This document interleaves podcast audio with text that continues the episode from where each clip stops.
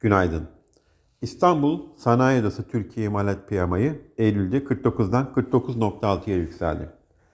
Endeks kritik eşik olan 50'nin altında kalmaya devam etse de üretim ve yeni siparişlerde düşüşün hız kesmesi, fiyat baskısının hafiflemesi ve İslam'daki sınırlı artış endeksin artmasına neden oldu.